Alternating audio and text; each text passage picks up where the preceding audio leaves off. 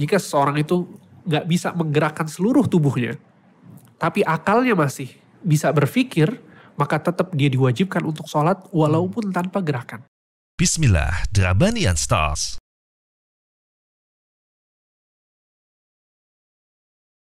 Assalamualaikum Ustaz, Masya Allah. Assalamualaikum warahmatullahi wabarakatuh. Sehat kan? Alhamdulillah. Ahlan wa sahlan. Kang, kita bersyukur nih Kang ya atas nikmat kembali kita nikmat belajar, kenal sunnah, belajar bareng. Mungkin jadi ingat ilmu Ustaz ya. Dan kita ingat dulu nih, kita yang dulunya sholat Bolong-bolong, bol- bolong-bolong, titip absen. Nggak titip absen? Sholat ijab nih. Iya Ustaz. Gimana tuh sholat? Iya. Guys, gue sholat dulu ya. Wah, titip, titip ya, titip ya. Nitip Ustaz. Titip absen. Salam. itu pertanyaan saya nanti tuh. Kurang ajar ya kan kurang ajar banget dan sebagainya. Nah itu gi- gimana saja mungkin dalam hal kali ini kita pengen kembali meremind nih Karet. Oke, bahas sholat nih. Betul dong. Kita bahas sholat tentang bagaimana sih sesungguhnya ur- urgensinya. Karena di luar sana kan banyak teman-teman yang tadi ya. Kita alhamdulillah bersyukur muslim saat. Iya. Kalau muslim alhamdulillah. Azan terdengar di mana-mana. Tapi tadi saat masih menganggap remeh sholat bahkan meninggalkan sholat. Gitu saat. Kita saat Nabi mohon nasihat yang kembali saat untuk mengingatkan kita tentang makna sholat seperti apa Ustaz. Gitu. Bismillah, alhamdulillah, wassalatu wassalamu ala rasulillah, wa ala alihi wa ashabihi wa mawalah, wa la hawla wa la quwata illa billah, amma ba'd. Em, pertama kita kalau bicara tentang sholat, pada hakikatnya kita berbicara tentang tujuan hidup kita. Allah subhanahu wa ta'ala telah menggariskan tujuan keberadaan manusia dalam surat Az-Zariyat ayat 56. Kata Allah Subhanahu wa taala, "Wa ma khalaqtul jinna wal insa. Tidaklah aku menciptakan jin dan manusia kecuali agar mereka beribadah kepadaku. Ibadah adalah segala sesuatu yang dicintai dan diridhai oleh Allah Subhanahu wa taala dari perkataan, perbuatan, yang digariskan oleh Allah subhanahu wa ta'ala dalam Al-Quran dan Nabi SAW dalam As-Sunnah. Sehingga Allah subhanahu wa ta'ala memberikan kepada kita perintah untuk puasa, perintah untuk zakat, untuk bersedekah. Itu semua dalam rangka beribadah kepada Allah subhanahu wa ta'ala dari sekian banyak ran, eh, dari sekian banyak bentuk-bentuk ibadah yang paling besar adalah sholat. Jadi em, sebagian orang beranggapan bahwa yang penting gue berbuat baik deh sama orang lain.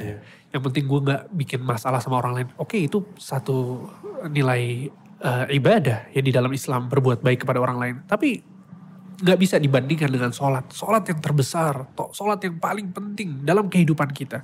Sehingga Nabi Shallallahu Alaihi Wasallam ketika mengutus Muadz bin Jabal untuk berdakwah di negeri Yaman, kata Nabi SAW, "Falyakun awwala ma tad'uuhum ilaihi tauhidullah." jadikanlah per, yang pertama kali yang engkau sampaikan dalam dakwahmu adalah mentauhidkan Allah.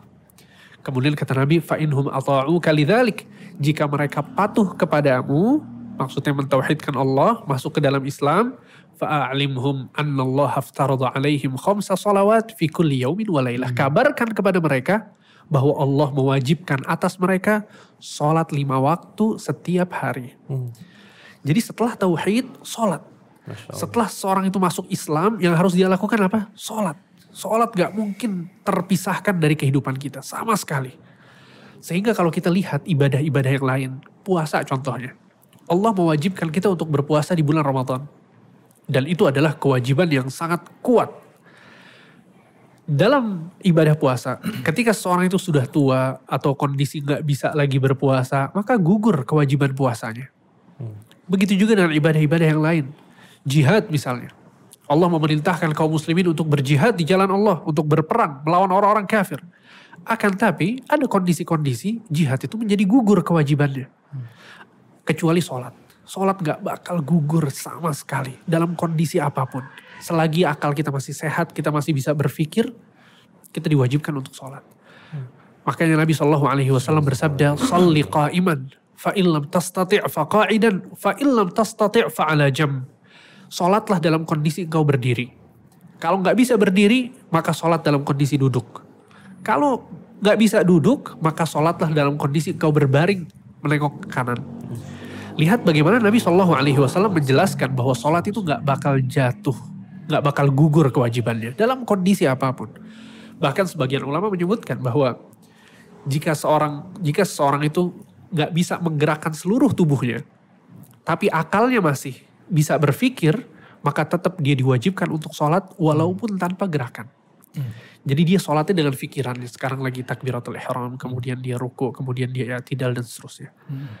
Tentu bayangkan ini ibadah yang nggak mungkin terputus sama sekali. Sehingga perhatian Nabi SAW sangat besar terhadap sholat ini. Nabi SAW di detik-detik terakhir sebelum beliau menghembuskan nafas terakhir apa yang Nabi SAW sampaikan kepada sahabat-sahabatnya. Kata Nabi SAW, as-salah, as-salah, perhatikan sholat kalian, perhatikan sholat kalian. Wa ma malakat aimanukum, dan perhatikan juga budak-budak kalian. Sholat yang diingatkan oleh Nabi SAW kepada umatnya di detik-detik terakhir sebelum beliau wafat. Kemudian Umar bin Khattab mengerti betul tentang hal ini. Sehingga perhatian Umar bin Khattab sangat besar terhadap sholat berkat pendidikan Rasulullah Shallallahu Alaihi Wasallam. Umar bin Khattab um, ketika beliau ditusuk oleh Abu Lu'lu al-Majusi, ya seorang Majusi yang membunuh Umar, ketika itu Umar posisinya sedang sholat subuh dan beliau menjadi imam. Di rokaat yang kedua, Abu Lu'lu al-Majusi, dia menerobos ke soft yang paling depan, kemudian menusuk perut Umar dengan beberapa tusukan. Sehingga Umar pun terjatuh, akhirnya sholat dilanjutkan oleh Abdurrahman bin Auf yang ada di soft pertama. Akhirnya dilanjutkan sholat dengan cepat oleh Abdurrahman bin Auf. Selesai sholat, Umar dibawa oleh para sahabat menuju rumahnya. Kondisinya Umar bin Khattab sangat mengenaskan. Abdullah bin Umar bercerita bahwa ada beberapa tusukan di tubuhnya Umar. Sehingga mengeluarkan darah dan sangat kacau sekali keadaannya. Sampai Abdullah bin Umar mengatakan bahwa aku berusaha untuk menutup dengan tanganku luka yang terbuka. Tiba-tiba sebagian dari tanganku masuk ke dalam lukanya Umar karena saking lebarnya luka tersebut. Antum bayangkan kondisi seperti ini. Dan Umar kondisinya pingsan waktu itu. Maka Abdullah bin Umar mengatakan aku ambil imamahku kemudian aku ikat luka tersebut. Sesampai di rumah Umar, Umar pun siuman dalam kondisi ada ikatan-ikatan di badannya, tusukan yang terus mengeluarkan darah. Ketika Umar siuman pertama kali, antum tahu apa yang ditanyakan oleh Umar? Apakah beliau mau bertanya tentang siapa yang membunuh beliau? Atau beliau mau berwasiat tentang khilafah kaum muslimin, pemerintahan sekarang beliau adalah khalifahnya? Beliau tidak bertanya tentang itu. Kata Umar bin Khattab, asallan nas, apakah kaum muslimin sudah selesai sholat? Lihat perhatian Umar kepada sholat. Ya ini mau meninggal. Darah bercucuran, perutnya robek-robek. Tapi beliau masih bertanya, apakah orang-orang sudah selesai sholat?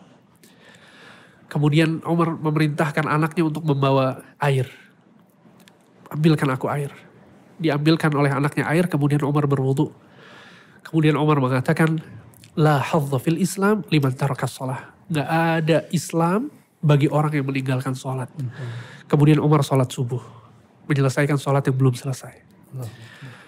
Ya akhi barakallahu fiqh. Sekelas Umar bin Khattab. Khalifah kaum muslimin dalam kondisi tercabik-cabik tubuhnya, terluka parah, beliau masih memikirkan masalah sholat. Sehingga ini yang menjadi kehidupan seorang muslim. Hidup kita adalah sholat, sholat adalah hidup kita. Gak ada yang lebih besar daripada sholat kita. Gak ada profit yang lebih kita harapkan daripada sholat kita. Gak ada sesuatu yang lebih penting dalam kehidupan kita kecuali sholat. Umar bin Khattab sekali lagi, ketika beliau menjadi khalifah kaum muslimin, beliau menuliskan surat kepada staf dan jajaran kepemerintahan beliau. Antum tahu apa isi suratnya? Umar bin Khattab menuliskan kepada mereka semua dengan mengatakan, Inna ahamma a'malikum indi salah. Sesungguhnya pekerjaan yang kalian kerjakan, yang paling penting bagiku adalah sholat kalian. Tuh lihat, ini Omar mau menjelaskan bahwa dia dari sekian banyak job desk yang wajib kalian kerjakan sebagai bawahanku dan jajaran kepemerintahan dari seluruh amalan tersebut job desk job desk yang kalian emban yang paling penting kata beliau sholat. Kemudian kata Umar, faman hafidhaha faqad hafidha dinah. Barang siapa yang menjaga sholat, sungguh dia telah menjaga agamanya. Wa man fahuwa lima siwaha atiya. Dan barang siapa yang melalaikan sholat, maka orang itu pasti melalaikan seluruh perkara yang lainnya. Sehingga gak ada yang lain selain sholat dalam kehidupan kita. Maka dari itu, kita sedih ya ketika melihat sebagian kaum muslimin malas sholat atau bahkan meninggalkan sholat itu sangat bertabrakan sekali dengan Islam, bertabrakan sekali dengan ajaran Nabi Muhammad Wasallam. Jadi nggak ada alasan untuk tidak sholat. Nggak ada alasan. Oh, hidup kita adalah sholat. Betul dan, dan menarik sekali ketika Umar siuman itu mirip dengan gurunya Nabi SAW ya. Ketika siuman banyak apakah Betul. sholat? Betul. Iya, Dan dan ini juga ini juga pesan sebetulnya untuk setiap orang yang memiliki bawahan ya, setiap orang yang memil- yang dia adalah seorang pemimpin, maka jadilah pemimpin sebagaimana Umar bin Khattab. Umar bin Khattab ketika beliau jadi pemimpin, yang beliau paling harapkan dari bawahannya adalah sholatnya. Paham ya? Karena di situlah Umar kemudian menakar kualitas diri seseorang. Bahwa kualitas diri seseorang itu ditentukan dengan perhatian dia kepada sholat. Oleh karena itu dalam sebuah hadis Nabi SAW mengatakan awwalu ma yuhasabu bihil abdu yaumal qiyamati sholatuh. Yang pertama kali yang akan Allah tanyakan oleh seorang hamba di hari kiamat kelak adalah tentang sholatnya. Idza soluhat, kalau sholatnya baik, soluhat sairu amali. Maka amalan-amalan yang lain, kata Nabi, pasti baik. Wa idza fasadat, fasadat sairu amali. Kalau buruk sholatnya, maka amalan yang lain pasti buruk. Sehingga ini yang seharusnya kita harapkan dari orang-orang yang ada di bawah kita. Ketika kita jadi seorang suami, maka katakan kepada istri kita bahwa yang terpenting bagiku adalah sholatmu. Katakan kepada anak-anak kita bahwa yang terpenting bagi ayah dari sekian banyak aktivitasmu adalah sholatmu. Sebagaimana Umar mengatakan hal ini kepada jajaran staf kepemerintahan beliau. Dan sekali lagi itu adalah tolak ukur dari kualitas kepribadian seseorang. Allah. Segitu banyak apa ya dalil-dalil tentang pentingnya sholat, ya kan? Nggak ada uzur sampai ya nggak bisa berdiri, duduk, duduk eh, tiduran sampai eh, nggak cuman apa ya memberikan isyarat-isyarat aja biji ya. Sampai yang memutuskan itu ya ketika kita meninggal kali ya. Betul. Sampai segitu pentingnya Ustaz. Bagaimana sih membuat orang tuh sadar betapa pentingnya gitu. Pernah anak izin anak bercerita sedikit nih. Zaman-zaman anak kuliah loh, Ustaz. 2000 sekitar 2009-an lah, 2000. Eh, anak masuk 98 ketang. 98 berarti tahun 2000. Pengumuman angkatan. Ketahuan angkatan berapa? Kita tahun 2000-an. Yang kita jauh banget. Udah tua, aku lupa. Kita tahun 2000 Ustaz. Ada salah satu eh, kakek-kakek jualan roti bakar. Iya. ketika anak beli saya anak ngobrol-ngobrol tapi tapi eh, masih jualan eh masih sholat kan ya pak anak tanya gitu kan. Hmm. Itu jawabannya bikin kaget juga sih. Walaupun waktu itu kondisi anak juga nggak yang eh, nggak yang rajin-rajin amat untuk beribadah dan lain-lain tapi cukup mengagetkan juga. Jawabannya eh, dulu mah sholat den gitu kan orang Sunda gitu. Dulu, mah sholat den. Eh, sekarang sudah enggak karena menurut bapak percuma. Alhamdulillah. ketika di- saya sholat apa saya sholat saya doa nggak nggak nggak terkabul-kabul gitu ya miskin-miskin aja gini-gini aja den gitu. ya udah sekarang ya sekarang saya udah nggak sholat gitu. Nah, ilah, ilah. ya saya kaget juga gitu wah subhanallah Itu pas nggak sholat masih miskin gak? ya, rum rumahnya sih ya gue bukan gitu ya Masih kan? iya Berarti dia sholat miskin, nggak sholat miskin, gitu loh. Sebenarnya solusi dia juga salah. Dia milih nggak sholat tuh salah. Dia pikir nggak sholat kaya. Iya kan? Padahal nggak juga, Kang, gitu loh. dan juga nih saat fenomena tongkrongan Hmm. ketika ya kita salah satu dari di antara kita tuh sholat sholat ya kan kang Kita sholat tes sholat jumatan lah ada tuh yang masih masih bercengkrama dengan bercanda-canda Eh, titip ya titip absen Ini tadi Berasana, berasana kuliah. Jadi iya absen. titip absen titip absen ke malaikat kan malaikat nyatet kan. Malaikat maut. azan Azan, Masya Allah, Alhamdulillah. Alah kuliah mungkin nanti bisa bang Yup. Ya kita sambung. Kita akan sambung karena sudah azan, kita akan sholat dulu insya Allah. Baik, sekarang. Baik guys, kita lanjut di Kang ya tadi, insya Allah. Terkait titip absen Kang. titip absen melanjuti tadi saat melanjuti Absen, tentang tukang roti. tukang roti yang katanya percuma sholat kehidupan gini-gini aja. Dan titip absen udahlah sholat titip absen aja. Dan juga itu sholat yuk. Ah sholat kan nomor dua. Kaget kan? Yang pertama yang pertama sadat tapi canda tapi tetap Ada aja alasannya. iya.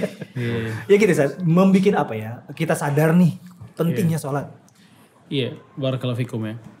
Wallahi ya akhi, ini masalah sholat udah jelas banget tadi panjang lebar tentang masalah sholat. Dan orang tuh nggak tahu ya, dia mungkin ngiranya sholat itu kebutuhan Allah bukan kebutuhan kita. Gitu.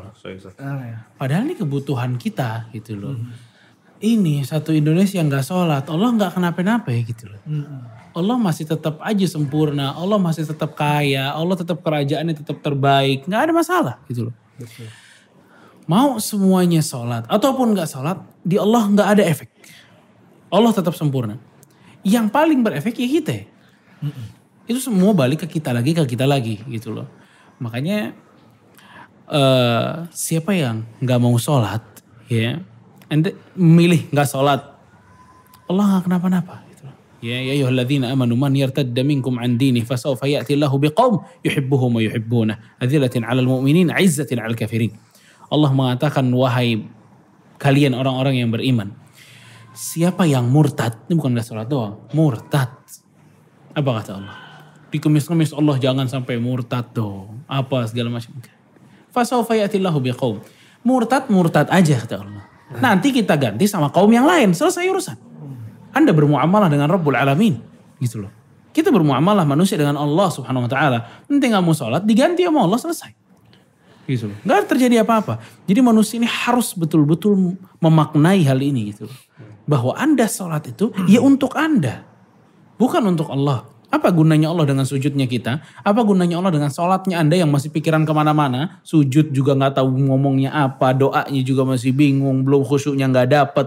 Terus Anda pikir Allah butuh dengan sujud Anda yang model seperti itu? Enggak. Kita yang butuh sholat kita ya kita sendiri gitu loh. Allah nggak punya kebutuhan apa pun. Dan ini dari rahmatnya Allah subhanahu wa ta'ala pengen anda sholat gitu loh. Untuk kebaikan kita juga bukan untuk kebaikan Allah subhanahu wa ta'ala. Ya. Makanya dalam hadis qudsi riwayat Muslim Rasulullah SAW mengatakan Allah Subhanahu wa taala mengatakan inna awwalakum wa akhirakum wa insakum wa jinnakum. Dari orang pertama sampai orang terakhir dari jin pertama sampai jin terakhir. Ya. Semua mereka taat kepada Allah mazada fi mulki syai'an. Tidaklah menambah kerajaanku kata Allah semua sholat nggak ada masalah di, di, di, hadapan Allah. Begitu juga sebaliknya dari orang pertama sampai orang terakhir, dari jin pertama sampai jin terakhir nggak sholat semuanya, nggak ada masalah di sisi Allah. Tidak ada masalah di sisi Allah. Ya, jadi jangan kepedean Allah tuh butuh sholatnya kita, butuh sujudnya kita, butuh doanya kita. Enggak, yang butuh tuh kita, gitu loh. Yang butuh itu kita. Belum lagi, ya nusus atau hadis-hadis tentang masalah meninggalkan sholat ini nggak ada yang ringan. Bahkan Rasulullah Shallallahu Alaihi Wasallam pernah mengatakan dalam riwayat Ibnu Majah, riwayat Muslim dan yang lainnya, al ahdul ladzi bainana wa bainahumus salah. Perbedaan, perjanjian di antara kami kaum muslimin dengan mereka yang kufar, sholat. Faman tarakaha faqad kafar. Siapa yang ninggalin sholat maka dia telah kafir. Akbar. amal mana yang digini-giniin banget itu. Ya. Belum lagi firman Allah eh, perkataan Allah Subhanahu wa taala, ya. Atau perkataan Rasulullah SAW mengatakan bainar rajuli wa bainas syirki wal kufri tarkus salah. Di antara perbedaan orang muslim sama yang kafir itu meninggalkan sholat. Jadi kalau orang kafir emang ninggalin sholat. Kalau muslim nggak ninggalin sholat. Gitu loh. Ya. Juga perkataan di antara para salaf dulu ya. Mereka mengatakan dari Abdullah bin Syaqiq rahimahullah, "Ma 'alimna syai'an minal a'mal tarkuhu kufrun illa salah." Kami tidak tahu ada satu amalan jika seseorang meninggalkannya kita katakan kafir kecuali sholat. Ini zaman sahabat dulu. Jadi nggak ada tuh kalau ninggalin zakat mereka nggak bilang kafir, tapi ninggalin sholat mereka bilang kafir. Orang ninggalin sholat itu berarti mereka kafir. Makanya di sini kita mesti sadar betul-betul, ya ninggalin sholat itu bukan perkara yang ringan. Ya banyak tuh, saya juga teman-teman juga kayak gitu tukang tuh. Gampang banget gitu ninggalin sholat santai aja nggak ada apa-apa, nongkrong nongkrong aja, ya kita nggak usah ngomongin sholat subuh lah. Yang paling sering mungkin untuk ditinggalkan. Maghrib nih yang euforianya paling luar biasa, sholat tuh maghrib tinggal. Maghrib sama Jumatan ya. Zat. Maghrib, Jumatan, Jumatan tiga. Satu enggak, dua enggak, tiga sholat. Biar enggak kan. iya, biar enggak kafir tadi ya. Sudah kuota kan ya? Iya, apa? Kuota belum habis kuotanya. Iya, wallah. Allah. Padahal sama aja gitu loh. Dia meninggalkan sholat satu aja. Sebagian para ulama mengatakan dia kafir. Satu. Ada yang mengatakan kafir gitu loh. Ya. Maksudnya jangan naruh Anda di bagian keadaan seperti ini. Ini keadaan cukup menyeramkan gitu loh. Ente main, ente nggak sholat itu kayak orang jalan di pinggir jurang aja. Keselamatannya cuma berapa persen? Ya, sangat memungkinkan untuk jatuh. Ya gitu orang nggak sholat. Ima ente kafir selama-lamanya di neraka. Ya, atau bukan masuk dosa kecil, masuk dosa besar yang juga akan disiksa di neraka dengan izin Allah Subhanahu wa taala. Maka ini hal yang betul-betul kita perhatiin gitu loh. Bahaya ini kalian sholat sama ingat. Ya. Tadi firman Allah Subhanahu wa taala surat Az-Zariyat itu konsep besar untuk seorang mukmin ya. Wa ma khalaqtul jinna wal insa illa liya'budun. Kita tidaklah diciptakan untuk beribadah kepada Allah Subhanahu wa taala. Makanya perhatiin, kalau konsep ini berubah, Anda hidup nggak sholat pasti rusak. Anda hidup nggak sholat pasti rusak. Ini nih ada dompet nih dari Mimo nih, ya. Ini buat naruh duit, buat naruh kartu segala macem, ya. Tapi kalau kita gunakan misalnya, ya, untuk nepok nyamuk atau nepok kecoa, nepok cicak dan lain sebagainya, ini rusak nih, bakal jelek nih kulit-kulitnya. Kenapa? Karena ini dompet ini tidak dibuat untuk nepok-nepok binatang kayak gitu, enggak tapi untuk pakai taruh uang dan lain sebagainya. Maksud Anda di sini adalah kalau keluar dari tujuan penciptaan pasti rusak. Gak mungkin enggak. Orang diciptakan untuk ibadah kepada Allah, untuk sholat kepada Allah. Dia nggak sholat pasti rusak. Dunianya rusak, akhiratnya rusak pasti udah. Gak mungkin enggak. Ini konsep yang cukup besar dalam Islam. Ya, mungkin itu ya. Dan juga sebagai apa sih? Tadi suka suka malas sama diri sendiri Ustaz. Ketika giliran kita mau ke bandara misalnya, Iya. ada flight itu Oh, kan Ustaz, iya. persiapannya, masya Allah, sejam sebelum sudah boarding, Nggak kita mau udah telat. siap-siap, nggak mau telat sebagainya. Tapi kok saat sholat, aduh, mau juga gitu ya. Kadang-kadang mindset kita masih belum ke arah sana gitu Ustaz. Nah, lalu kemudian juga Ustaz terkait juga kenyataan di lapangan adalah kita bersyukur saat ini negeri Islam, azan berkumandang. Tapi tadi Ustaz, yang tadi Ustaz sempat mention bahwasanya sholat itu mencegah keji dan munkar Ustaz. Tapi pada kenyataannya kenapa masih banyak kemaksiatan Ustaz ya, kemungkaran terjadi. Mungkin Ustaz bisa berikan penjelasan terkait hal ini Ustaz.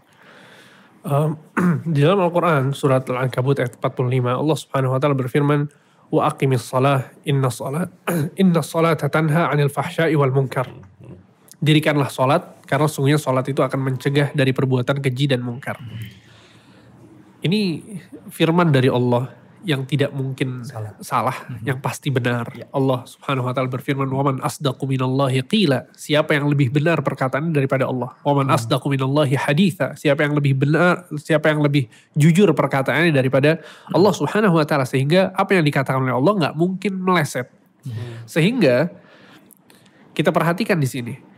Apa maksud sholat yang mencegah dari kemungkar, eh, ke, ke- eh, perbuatan keji dan mungkar? Maksud dari sholat di situ adalah sholat yang sebagaimana diajarkan oleh Rasulullah Shallallahu Alaihi Wasallam. Nabi SAW mengatakan kepada para sahabatnya, Solu, sholatlah kalian, kama ro'aitumuni usalli. Sebagaimana kalian melihat aku sholat. Itu sholat yang harus kita kerjakan. Dan itu adalah sholat yang diberikan ganjaran oleh Allah, yang diberikan keutamaan mencegah dari perbuatan keji dan mungkar. Makanya para ulama mengatakan bahwa kualitas sholat kita itu menentukan kuat atau tidaknya sholat tersebut untuk mencegah kita dari perbuatan keji dan mungkar. Paham antum ya? Tapi kalau sholatnya asal-asalan, sholatnya cepet-cepetan, ya gimana mau dapat fadilah tersebut? Jadi akhirnya kita nggak kaget gitu loh kalau kemudian orang-orang pada sholat, tapi setelah sholat dia berbuat keji dan berbuat mungkar. Kita lihat sholatnya seperti apa. Sholatnya nggak ada khusyuk sama sekali. Bahkan nggak ada tumak ninah terkadang. Dan kita tahu bahwa tumak ninah itu adalah rukun di antara rukun-rukun sholat. Ya jadi tumak ninah itu levelnya sama kayak Al-Fatihah. Kayak ruku, sujud. Antum bayangkan dalam satu sholat nggak ada ruku. Nggak bisa dikatakan sholat. Ya. Sama halnya dengan tumak ninah pun demikian. Dan banyak dari kalangan kaum muslimin yang mereka nggak sabar untuk sholat lama-lama. Ya. Jangan katakan kita lama lah. Ya 5 menit. 10 menit. Sabar sebentar menghadap Allah. Berbicara kepada Allah. Tunjukkan keluh kesah kita kepada Allah. Agar Allah subhanahu wa ta'ala memberikan kepada kita kebaikan-kebaikan. Sebagian orang rela untuk nunggu antri ATM 10 menit, 15 menit.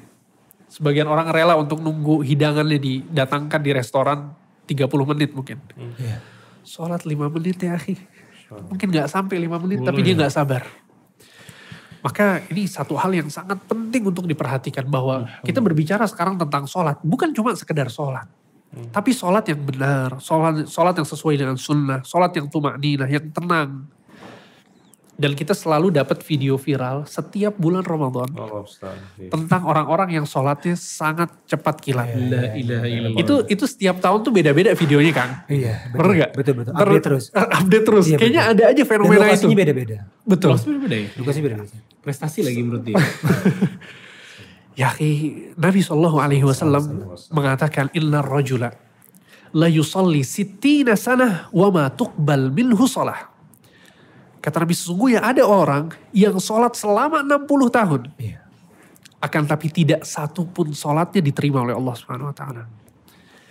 Kemudian kata Nabi, la'allahu yutimur ruku' wa la yutimur sujud, wa yutimur sujud wa la yutimur ruku' Bisa jadi dia menyempurnakan rukuknya, tapi sujudnya tidak sempurna. Bisa jadi dia sempurnakan sujudnya, tapi rukuknya tidak sempurna. Ini yang dikatakan oleh Nabi tentang orang yang rukuknya sempurna, sujudnya tidak sempurna atau sebaliknya. Bagaimana kalau Nabi SAW melihat fenomena yang biasa kita lihat? Hampir keseluruhan. Ya ini 60 tahun gak diterima sholatnya karena apa? Karena gak tumak nina, gak sempurna rukuk dan sujudnya. Bahkan dalam sebuah hadis dan ini hadis yang sangat menjelaskan apa yang sedang kita bicarakan sekarang. Nabi Shallallahu Alaihi Wasallam pernah di masjid dengan para sahabatnya sedang duduk. Kemudian datang seseorang masuk masjid dia melaksanakan sholat. Ya.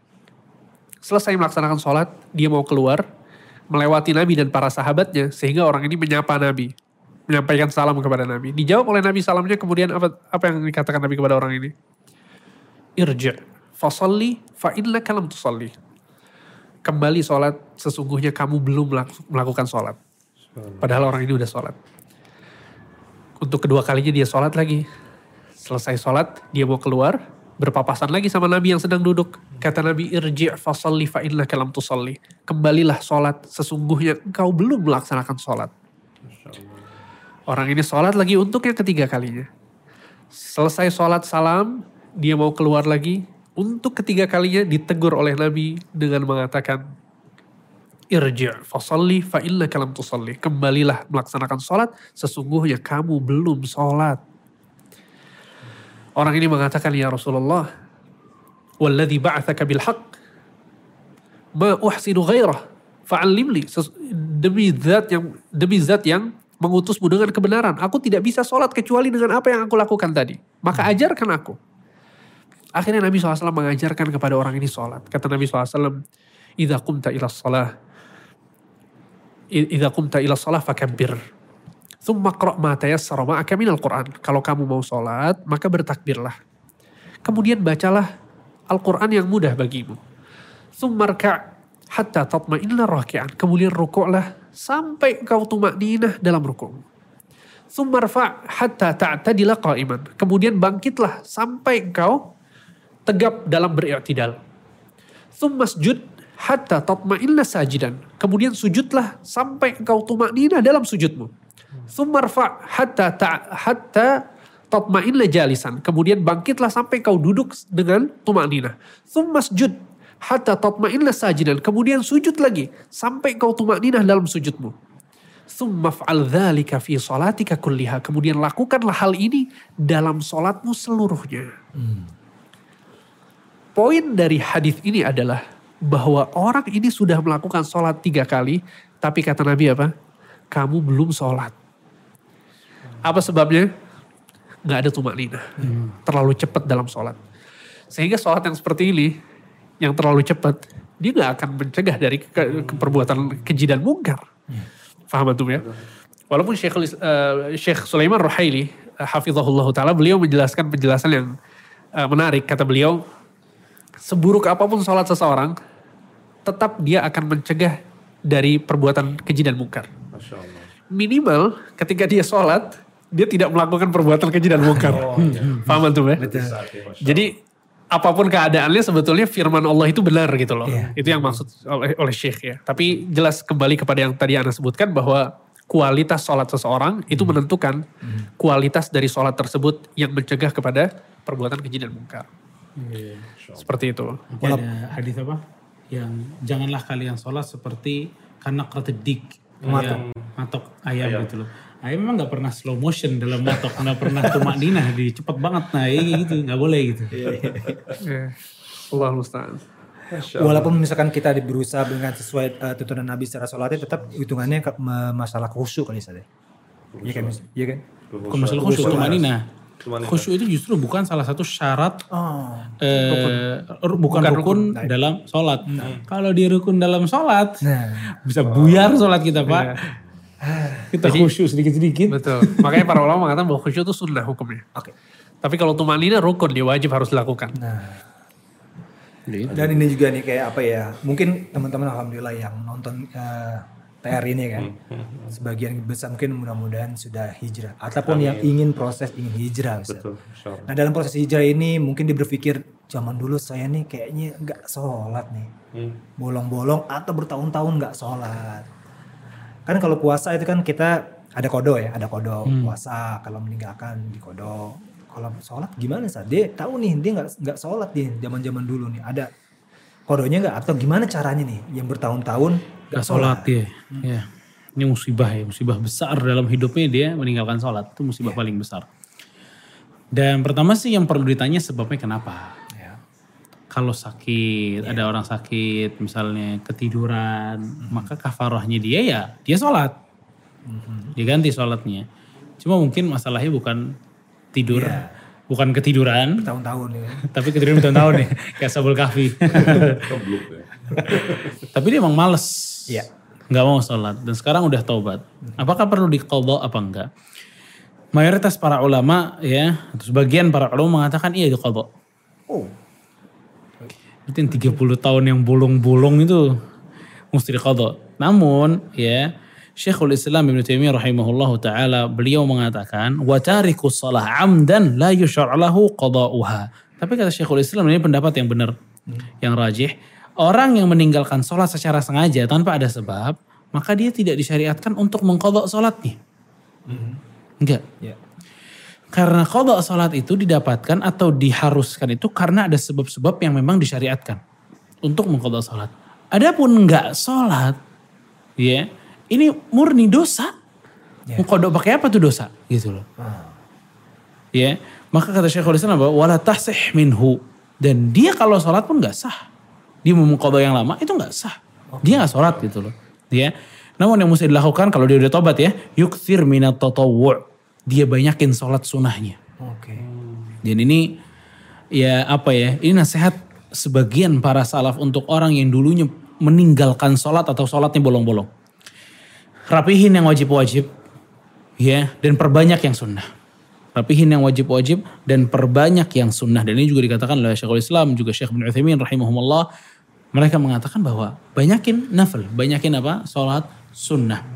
Jadi yang udah mungkin ada 20 tahun, 10 tahun dan lain sebagainya tentu bertaubat dengan jujur ya, taubat kepada Allah Subhanahu wa taala. Ingat ya, ini dosa yang Anda tinggalkan bertahun-tahun ini bukan yang ringan gitu loh. Ikhtilaf para ulama bukan ini dosa kecil, ini dosa besar. Bukan. Dosa yang Anda tinggalkan ini atau ibadah yang Anda tinggalkan ini ulama berikhtilaf. Anda selama-lamanya di neraka apa mampir bentaran atau mampir ada lama atau memang Allah ingin ampuni. Jadi itu gitu loh, masalahnya besar banget gitu loh. Bukan masalah yang belum lagi apa namanya predikatnya kafir apa enggak gitu loh. Gitu loh. Ini enggak, enggak mudah ya. Yang kafir masuk neraka selama-lamanya, naudzubillah. Ya. Jadi itu benar-benar mesti taubat nasuh banget. Taubat-taubat yang murni, yang jujur kepada Allah Subhanahu wa taala, perbaiki yang wajib-wajib dan ditambal dengan yang sunnah-sunnah. Dan kalau kita lihat konteks hadis Nabi yang menyatakan kafir itu ngeri banget kan. Nabi mengatakan faman tarakaha faqad kafar. Barang siapa meninggalkannya maka dia kafir. Itu konteksnya seperti itu. Itu dalam perkara puasa, misalnya Nabi nggak mengatakan barang siapa yang nggak puasa dia kafir. Tapi dalam sholat, kata Nabi, barang siapa meninggalkannya dia kafir. Ini kan mengerikan banget kan. Iya, iya, iya. Dan pendapat sebagian ulama bahwa yang sekali saja meninggalkan sholat kafir itu ada. Kafir. Ada. Ada pendapat ulama seperti itu. Sehingga bayangkan, maksudnya jangan di apa namanya, bayangkan bahwa para ulama berselisih dalam keislaman Islaman dia Anda gitu. gitu loh. Anda Atau Islam yang- bukan ya gitu ya. Ulama ngomong gini sih. Atau yang sebagaimana Ustaz Muhammad bilang tadi, apakah dia di nerakanya nanti kekal atau tidak gitu loh. Jadi ancamannya besar banget. makanya eh, ada hadis riwayat Ahmad ya Rasulullah SAW mengatakan man hafadha 'alaiha kanat lahu nuran wa burhanan wa najatan yaumil qiyamah. Siapa yang jaga salat, dia maka akan mendapatkan cahaya, terus petunjuk dan keberhasilan di hari kiamat. Wa man lam yuhafidh 'alaiha dan siapa yang nggak menjaga salatnya, lam yakun lahu burhan nurun wala burhan wala najah. Nggak bakal dapat cahaya, nggak bakal dapat petunjuk, nggak bakal dapat kebahagiaan di hari kiamat. Wa kana yaumal qiyamah dan nanti di hari kiamat itu ngumpulnya satu grup sama Qarun, Fir'aun, Haman sama Ubay bin Khalaf. Uh, ini Masya Allah ini. ini Gembong kufur gembong-gembong kufur semua nih, gembong-gembong neraka semua nih. Ya. Korun, dia nggak sholat tuh karena disibukin hartanya. Dan ini sebab orang banyak ninggalin sholat tuh karena hartanya. Ntar dikumpulin barengnya sama korun. Ada orang ninggalin sholat itu karena sibuk dengan kerajaannya dia. Apa yang dia miliki Jabatan. jabatan-jabatannya ya mirip dengan Haman. Nanti ngumpul deh sama Firaun sama Haman situ. Kalau gara-gara jabatan Anda dengan bintang di sana di mari dan lain sebagainya Anda nggak sholat, kumpulnya sama Firaun sama Haman. Ubay bin Khalaf itu dagang, pedagang. Dia nggak sholat juga gara-gara apa gara-gara sibuk dagang. Oke hati-hati yang suka dagang dagang sampai nggak sholat gabung sama Ubay bin Khalaf. Ya, mungkin ini ancaman yang cukup besar. Allah Ustaz. Alhamdulillah, Kang. Masya Allah. Intinya mah kita nggak ada uzur Gak lah ada sholat. Kang, Masya Allah. Masya Allah. Hidup kita adalah sholat, Sholat. sholat adalah hidup kita. Masya Allah. Allahu Akbar. Allahu Akbar. Masya Allah. Dan ngomong-ngomong sholat kan, ini baju yang kita pakai ini ma- nyaman banget buat sholat kan. Bener. Yes. Paling bisa. Masuk. Yes, ya. Iya. Livi Muslim ini, Iya. oh iya, Iya, ini nyaman buat sholat, buat ke mana-mana, buat casual Buat juga. casual juga bisa, enak ya? Iya loh. Berarti kita, berarti kita lihat tadi ada ada hoodie-nya, Ada jaket, hoodie-nya, ada betul. celana ya. buat motoran. Betul, betul. Hmm, ada sirwal, ada Masya Allah. segala macam. Masya Allah. Teman-teman Bisa lihat di livi.muslim. Livi.muslim. Hmm. Livi brother to Jannah. Masya Allah. Dan Silahkan juga dicek. ini ada sekarang Ya, ada Mimo. Mimo. Mimi spesialis Mamo. kulit kayaknya nih. Kan? Full leather. Genuine leather spesialis Masya Allah Kang. Betul. Ini ada lokal brand Kang. Ini sejak 2018. Ini lokal loh. Rapi lokal, banget ya. Iya, Oh, dengan rapi banget. bahan kulit asli dan handmade. Namanya Mimo. Ini Satu-satu dia. handmade ya. Handmade asli semua, Masya Allah. Handmade Masya Allah. dan menyediakan produk custom. Hmm, oh. Ada dompet. Nah, ini dompet nih. Ada Sarung watch. tangan. Ah, sarung tangan kita pakai juga. ya Buat motor, buat motoran, sepeda. Sepedaan enak, Masya Allah. Ada watch band. Oh ya, Oke, ada watch band. Kemudian juga atau aksesoris berbahan kulit pilihan baik lokal maupun impor bisa. Ini ada bahan yang impor, ada yang Ini lokal. impor nih kayaknya betul, semuanya. sebagian, masya Allah, betul. Dan langsung dikurasi sendiri kang oleh pembuatnya kang. Dikurasi semua bahan-bahan, gramasi dan sebagainya ketebalan, masya Allah kang. Ini punya sahabat kita dan kali ini, Hmm. kang ini ada produk dompet masterpiece nih, masterpiece berbahan kulit impor betul. Ini impor semua. impor Kang? semua kan? Ya, ini Mi Fold yang besar. Ini Mi Fold. Oke, ada Mi Fold. Kemudian juga ada banget pokoknya. ya dengan ukuran sedang sekitar 11 cm. Lalu ada Masterpiece Fenty dengan ukuran eh, 8 cm dan oh ini Ya. warnanya juga bagus ya, Betul. masya Kang Allah. ini ya. bikinnya tuh satu-satu kan dia. satu-satu Iya. kan. Masya Allah, Ustaz. Itu warnanya tobacco tuh. Oh, Tobacco dan juga warna olive. Jahitannya rapi banget. Ini olive nih. Masya Allah. Betul sekali. Jadi hampir aja ada gini begini. Isi dulu dong, kan kosongan sih. Bayar dulu, bukan isi dulu. Iya, bayar dulu. Dan juga nih ada yang jenis long wallet dan long Oh, mall. iya, iya, iya, long iya. wallet dengan ukuran panjang sekitar Allah. 20 cm, masya Allah. Dan juga tadi ya ada watch band ya untuk jam tangan atau tobacco. Jadi silakan mau yang jadi punya jam tangan brand tangan apa pun itu bisa custom untuk watch bandnya diganti dengan bahan kulit. Betul. Masya Allah. Elegan banget. Jadi langsung saja, Kares dan teman-teman semua, cek Mimo. dan follow Instagramnya Mimo at mimimamo.id ya. Oh, Atau bisa mimimamo.id. Ya, dan bisa pesan di marketplace atau bisa kontak langsung via WhatsApp. Mimo Leather, stay classy, stay humble. Insya Allah. Kang, Yes. terima kasih banyak. Ustaz, terima kasih banyak atas waktunya. Jazakumullah khair dan sekalian silakan untuk bisa langsung follow Instagram kita. Kemudian juga Spotify dan juga YouTube. YouTube, oke. Dan juga silakan bisa support kegiatan operasional dakwah kita dengan berikan harga terbaik silakan. Ada yang punya barang atau jasa silakan DM ya. Betul, Nanti silakan. dikasih link untuk, Insya Allah untuk mungkin bisa dipromosin di acara ini. Insya Allah. Baik, kita akan Ini akhiri. matching kan? Wis, matching. Wis. Oh kita ambil yang matching aja. Terima kasih teman-teman sekalian. Wassalamualaikum ala nabiyina Muhammadin wa ala alihi wasallam. Wassalamualaikum warahmatullahi wabarakatuh. Salam. Waalaikumsalam warahmatullahi wabarakatuh.